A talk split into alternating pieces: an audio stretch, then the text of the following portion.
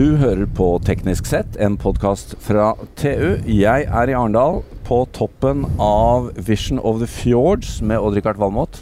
Ja. Hei, Jan. Hei.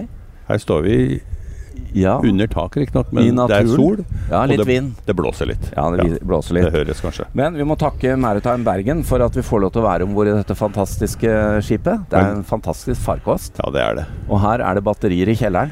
Det liker vi. Ja, Ja. Men det er hybrid fortsatt, da, har jeg skjønt. Ja da. Og, eh, men nå har vi egentlig snakket litt om eh, elektrifisering til sjøs eh, her i Arendal. Og det passer bra. Nå kommer det fly over oss her. For øh, vet ikke om lytterne får med seg det, men øh, vi hadde tenkt, som sedvanlig holdt jeg på å si, de siste par årene, å få en oppdatering på elektrifisering av luftfarten. Ja. Og eh, da har vi med oss eh, to som kan mye om dette. Vi har med oss Andir eh, Sigurd Øverbø i Rolls-Royce Electrical Norway. Velkommen, Sigurd. God dag, takk for det. Og vi har med oss leder av et nytt, vi må kalle det flyselskap, Widerøe Zero. Andreas Aks, velkommen. Tusen takk. Vi har jo snakket med dere flere ganger før, og nå ønsker vi en oppdatering. Mm. Hva skjer på himmelen med elektrifisering? Vet ikke om du vil starte, Sigurd? Det skjer jo så mye. Det, det kan starte. Det skjer veldig mye. Eh, Vi har jo snakka noen år om eh, veien, eh, Veien dit. veien dit, og nå er vi på en måte i gang med å gå den veien. Vi er veldig travelt opptatt med å utvikle de her komponentene som skal inn i de første flyene. Eh, Så I Trondheim så har vi ganske stor eh, utvikling på frekvensomformere og motorer som skal inn i de her første Teknam-flyene, som videre har tenkt å, å, å starte med. Eh, så, så det er veldig veldig spennende. Eh, Nei, bare nå nevnte du Teknam. Er det et, eh, en flyprodusent? Ja, det er en flyprodusent. Det er en italiensk ja, flyprodusent der man har på en måte et fly som er ferdig sertifisert, som da blir konvertert over til et elektrisk, helelektrisk fly. Ja. Og de er ivrige. Ja, Det, det var blitt et veldig spennende samarbeid. Så Ja. De er nå veldig ivrige på å komme i gang med, med de første kundene på eh, helelektriske fly. Og vi har jobba tett med, med Widerøe og posisjonert videre sammen for å bli eh, lanseringskunde for det her flyet. Når er dere ferdig med den drivlinja? Ja, Drivlinja blir vi ferdig med i, egentlig i, vinter, første versjon. Og, Ok. og, og første komponentene kommer til å bli testa i vinter og i løpet av neste år. Men vi må nok gå noen runder. Her er jo produkter som skal være sertifisert. Ja. Så dette kommer nok til å ta noen år ennå før eh, man er klar med produkt. Før vi får billett av deg eh, og kan fly Zero. Ja, det, er- det, det er et litt lite steg fram. Men Andreas, det er jo ganske spennende da at eh, dere i Widerøe har laget et eget selskap, Widerøe Zero. Og det må du fortelle litt om, for det, det betyr jo at dere er enda nærmere en eh, realisering. Vi er det. vi er det. Eh, nå har jo vi jobbet ganske lenge med dette i Widerøe, bl.a. Med, med Sigurd og Rolls-Royce som står eh, ved siden av meg her i dag. Og det er jo egentlig forlengelsen av det arbeidet at vi nå i, eh, i vinter og vår tok beslutning om å lage et eget selskap Ja. eh, som skal fokusere kun på dette og sette de første nullutslippsflyene i trafikk. Og, og vi gjør jo det fordi vi skjønner at dette her er jo en eh, ikke bare en teknisk utfordring, men det er også en utfordring å, å, å få dette her til å gi eh, eh, kan du si, økonomisk bærekraft. Vi skal eh, kanskje måtte gjøre dette på en litt annen måte enn vi opererer i dag. Det handler om å forstå en ny driftsmodell, det handler om å forstå hva kundene tenker om dette, og så sy sammen en forretning som er tilpasset den nye teknologien. Ja. eh, og ikke bare forvente at den passer rett inn i den forretningen vi har i dag. Om 10-15 år da, så legger de ned Widerøe, og så er det bare Widerøe Zero igjen. Det tror jeg ikke skjer. Eh, tanken er at Widerøe Zero skal hjelpe Widerøe å omstille seg til Ja. å bli eh, det selskap som treffer planken når ny teknologi kommer. Ja. Eh, og det er hele formålet. Så akkurat hvordan det ser ut om 10-15 år, det skal jeg ikke si, men, men formålet er å hjelpe Widerøe som Ja. konsern til å omstille seg. Og videre blir jo ofte nevnt av oss i TU og mange andre eh, som ideelt for å starte elektrifiseringen i, i luftfarten, fordi dere har korte ruter og er, kan gå på dette. Det som er spennende, Andreas, er å høre litt. eh, Dere har delt inn i et kort løp og et langt løp. Kan du først ta det korte løpet? Hva er det vi snakker om? Når kan Odd-Rikard og jeg fly elektrisk? Ja, nei, altså Basert på det som Sigurd innledet med, så er det jo, er det jo sånn at vi, vi ser for oss å mellom da 2026 og 2030 kunne sette de første hel, helelektriske vil dette være, eh, flyene i trafikk. De vil jo ha begrenset størrelse, de vil ha begrenset rekkevidde, men Antall passasjerer ca. ni. ni? Ja. Ja. Så det er jo egentlig nesten litt tilbake til det Widerøe har operert tidligere. Ja. Ehm, Men, men som sagt, det er, jo, det er jo en start, og dette handler veldig mye om læring for vår del. Vi skal forstå hva det, betal, hva det krever av oss, operere denne type teknologi, eh, og, og, teste markedet og Ja. se hva markedet syns.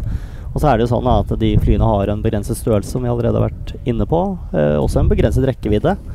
Men eh, de første simuleringene viser jo at vi allikevel kan fly ganske mange av de korteste rutene våre innenfor det regelverket Ja. som finnes i dag, og den teknologien som Sigurd nå forteller at de jobber med. Hvor lange er de korte rutene? Lange, hvor lange de korte rutene er? Nei, altså For de av dere som har flydd med videre, så vet dere at de kan være ned til 15-20 minutter. Ja, Korte ruter riktig. hvor vi krysser en fjord, flyr ut og inn til en Ja. øy osv. Men vi har ganske mange av dem. Og, Mm. og dette vil jo være en første introduksjon til nullutslippsluftfart. Ja. Og så kommer det mer etterpå. Um, du spurte om våre to løp. Uh, vi har et kort og et langt. Vi jobber jo også med et prosjekt nå i samarbeid igjen med Rolls-Royce, men da med flyprodusenten Embraer. Det er jo verdens tredje største flyprodusent. Ok, Så det er to konkrete flyprodusenter her nå? Det er det. nytt, Odd-Rikard. Det, det høres spennende ut, altså. Men det er vel så er det, det er ikke helt batteri. Nei, da tenker man kanskje at man må ha en, en annen uh, energibærer i tillegg. Mm. Så at det er et hybridfly det, det, med, en annen, et, med et annet drivstoff er vel ganske Men høy sannsynlighet. for. Uh, Ja, det er det som er Ja, hydrogen, ammoniakk eller noe. Widerøe har vært veldig tydelig på at de ønsker nullutslipp. Ja. Uh, Og det er litt artig med det samarbeidet. for at det, det er egentlig ganske godt å ha med seg en sånn sluttkunde med, som setter premissene for uh, hva de ønsker å få utvikla. Ja. Det er ganske viktig for oss òg at uh, Widerøe Serio har vært veldig tydelig på hva de ønsker å ha. Men Andreas, du begynte på det å forklare oss om det lange løpet. Ja, nei, altså Det er jo et løp som handler om å erstatte arbeidshesten vår, altså det som i dag er Dashwoten, med et fly, et regionalt fly, som kan gjøre den jobben i fremtiden med nullutslipp. Ja, da er det på flere enn ni passasjerer. Da er vi på flere. Et regionalt fly er typisk mellom 40 og 70 seter. Det er Ja. det shotten er i dag.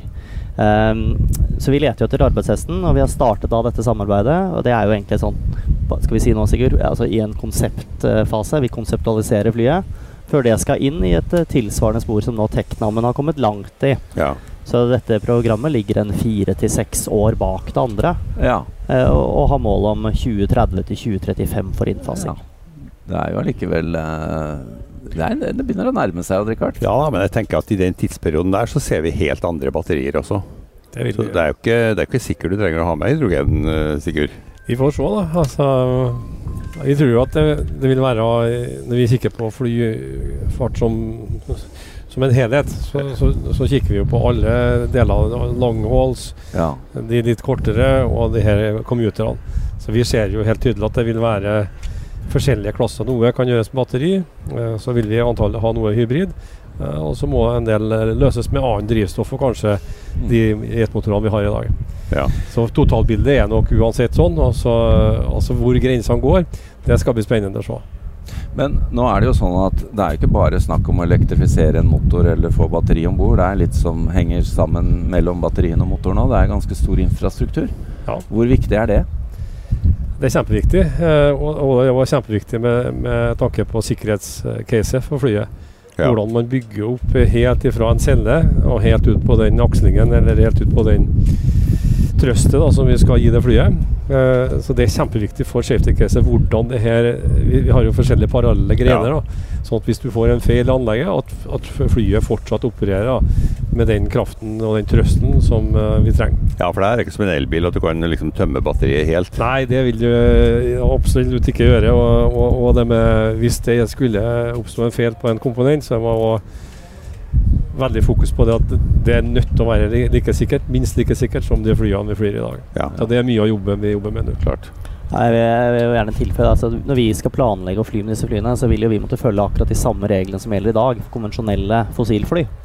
Uh, og det betyr jo egentlig at altså, når vi snakker om reserver osv., altså hvor mye ekstra energi du må ha om bord, så er vi jo uh, forpliktet til å følge akkurat det samme lovverket. Ja. Så, så safety caset vil være akkurat det samme, eller forhåpentligvis enda bedre, for det er ny teknologi. Vi vet jo at eh, holdt på å si, elektriske systemer ofte har en, en høyere oppetid, eh, Ja. høyere reliability, for å bruke et godt norsk ord. Ja. Eh, så vi ser jo egentlig det positive i at dette kanskje vil Ja. øke driftssikkerheten vår. At det blir mindre tid på bakken, mindre reparasjoner. Eh, ikke bare lavere kostnader, men også kanskje at kunden opplever mindre forsinkelser Ja. som følge av feil. Det må jo bli færre vibrasjoner og altså alt sammen. da. Men når, når man skal med flysikkerhet av denne typen, så hvor viktig er det å rutevalget? Altså at du har f.eks. et par flyplasser du kan nå underveis. Er det viktig for å spekke lengden? Ja, det er klart, altså I en tidlig fase hvor rekkevidden er begrenset, som vi har jo snakket om til nå, eh, så er det jo sånn at når du planlegger en flyrute, så er hver flyrute unik. Ja. Du må planlegge den ut ifra hva som finnes på strekningen av alternative landingsplasser osv. Så, det er klart at noen strekninger vil egne seg bedre enn andre i en tidlig fase, hvor ja. du f.eks. har mange alternative landingsplasser på veien osv. fordi du skal komme inn under regelverket. Men, eh, men de, de, faktiske forholdene på der du opererer, påvirker i, lang, i stor grad hvor langt du kan fly. Så eksempelvis så vil du ved å fly uh, mellom Bergen og Stavanger ha to flyplasser under deg på veien. Ja, det betyr at du får et mindre påslag for å nå til en alternativ flyplass enn om du måtte returnere tilbake til der du kom fra. Så, så sånne ting påvirker også hvor langt vi kan fly, spesielt i en tidlig fase hvor rekkevidden er litt begrenset. Her må jo faktisk virkningsgraden i hele drivsystemet være minst like viktig som i elbil. Fra, fra batteri til propell. Det er alltid det er viktig det, det, det dere ser på. Det er alltid viktig med virkningsgrad. Men jeg tror for oss er jo vekt eh, Det er jo egentlig vekt, ja. det som er når du utvikler de systemene. Vekt og pålitelighet er de to tingene som er nummer én. Ja. Uh, og, det vi har gjort nå, er på en måte å gå litt uh, baklengs. Før gikk jo alt mot vannkjøling, mens vi har med de nye anleggene en retning mot luftkjøling. Som egentlig for en teknolog veldig spennende. Ja. Altså at vi går ned på antall støttesystem, sånn at vi forenkler systemene. Ja. Og heller tar på oss kosten med la oss mer silisium i en frekvensomformer. Men anlegget i sin helhet blir lettere og sikrere. Ja. Og gjør de her, uh, det her retningene av utviklingen. Ja. Vi er jo nysgjerrige, både Andreas og Sigurd. Hvor, hvor ligger vi an sånn internasjonalt uh, i dette programmet? Altså, er, er er videre Zero tidlig ute? Altså, forventer dere å være blant de første som uh, kan operere disse flyene? Ja, altså nå, nå, loves det mye ute, og det er jo veldig mange aktører ja, veldig. som er ja. eh, holdt på å si, både i Europa, i USA og også andre plasser. Men eh, vi har jo holdt på å si, valgt å satse på samarbeid hvor vi, hvor vi har troen på at dette tas hele veien gjennom sertifisering til produksjon. Og vi er ganske sikre på at de, eh, de eh, prosjektene vi har gått inn på, vil være blant de første. Eh, om ikke de aller første. Og, og har jo som mål da å være blant de første. Men, men, igjen, det er litt viktig å få frem at det, for oss så er det egentlig ok å være blant de første. Fordi vi trenger flere med oss på denne reisen. Det skjønner jeg. Så det er viktigere at vi klarer og å skape du, et marked i hele verden. Passasjerene vil jo oppleve å være blant de første. Skal jo ta hensyn til det òg. Ikke sant? det må jo bli en behagelig opplevelse for passasjerene. Det bråker jo ikke så mye, det her. Det gjør det i en dash, altså. Ja, det vil jo bli veldig mye lavere støy. ja, det, det, det, det. Oppsummeringsmessig, Sigurd Andreas, begynn med deg, Sigurd. Hva er de par viktigste tingene nå ut året og neste år for deg, dere, Rolls-Royce? For oss er det viktig å gå fra eh, teori og, og, og, og skisser over til hardware. Ja. Uh, og få bygga all hardware i vinter, og, og få begynne med komponent- og systemtesting. Det er på en måte både nummer én og nummer ja. to for meg ja. i, i vinter. Veldig bra. Andreas? Nei, du kan si at alt det som er viktig for Sigurd, er jo også viktig for oss, naturlig nok. Ja. Men i tillegg til det, siden vi er i Arendal, så er vel det vi nå venter på, er avklaring politisk på hvor ja. mye politikerne, og i hvilken grad politikken, vil støtte opp under det vi ønsker Ja. For dere trenger jo litt insentiver, dere, og ikke bare elbiler? Vi gjør det. Vi ja. har mange kalkulatorer som nå venter på skatte- og avgiftsregimet eh, som skal gjelde for disse flyene, så vi skjønner i hvilken grad og i hvilken altså, hvor lønnsomt dette blir, og hvordan investeringscase vil se ut når eh, politikken legges. Ja, For det må jo investeres en del ladeinfrastruktur også? Det er klart. Og det er ikke vanlige billadere, går rett fra?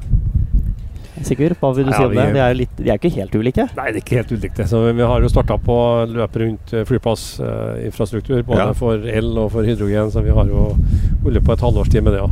Der vi kikker på hva er det som trengs. Mm. Uh, og kikker litt på flyplassene. Uh, hva kan være fornuftig for dem å installere. Ja. Rett og slett pga. Hvordan man kjøper kraft og hvordan det er regulert. Så er det en del komponenter som er sannsynlig at uh, flyplassen vil ha. da. Og Rikard, hva tenker du er den største utfordringen for at vi flyr innen 2026-2028? Nei, altså Jeg tror at Norge er veldig godt posisjonert til å ta en ledende rolle her pga. kortbanenettet vårt. Vi har jo veldig mye flytrafikk på kortbanenettet. Og det vil jo bare bli lenger og lenger etter hvert som nye batterityper blir fasa inn, for det, det, skal jo gjøres. Det skal det. Så uh, jeg syns det jeg, kanskje, kanskje det skjer det samme inn, i, på fly som det har gjort på bil og ferje. Ja. Ja, det, nei, det er jo håpet. Vi, vi får eh, glede oss. Uh, takk for oppdatering. Uh, Andreas Aks, leder av Widerøe Zero, og Sigurd Øvrebø, administrerende direktør i Rolls-Royce Electric Norway. Takk til Odd-Rikard Valmot, og mitt navn er Jan Moberg.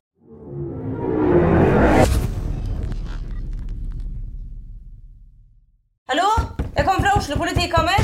Ine Jansen er purk. Er du purk? The motherfucking bitch. Alt jeg vil, er å finne ut hva som skjedde med mannen min. Jon Carew. Er jeg sikta for noe? Iben Akeli. Det er du.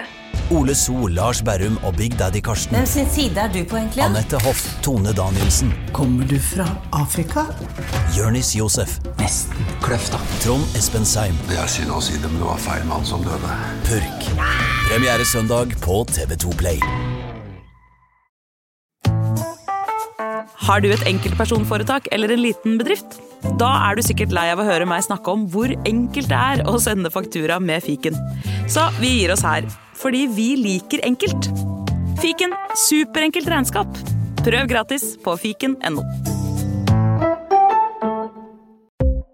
Driver du en liten bedrift? Da tenker du sikkert at dette er en reklame for fiken.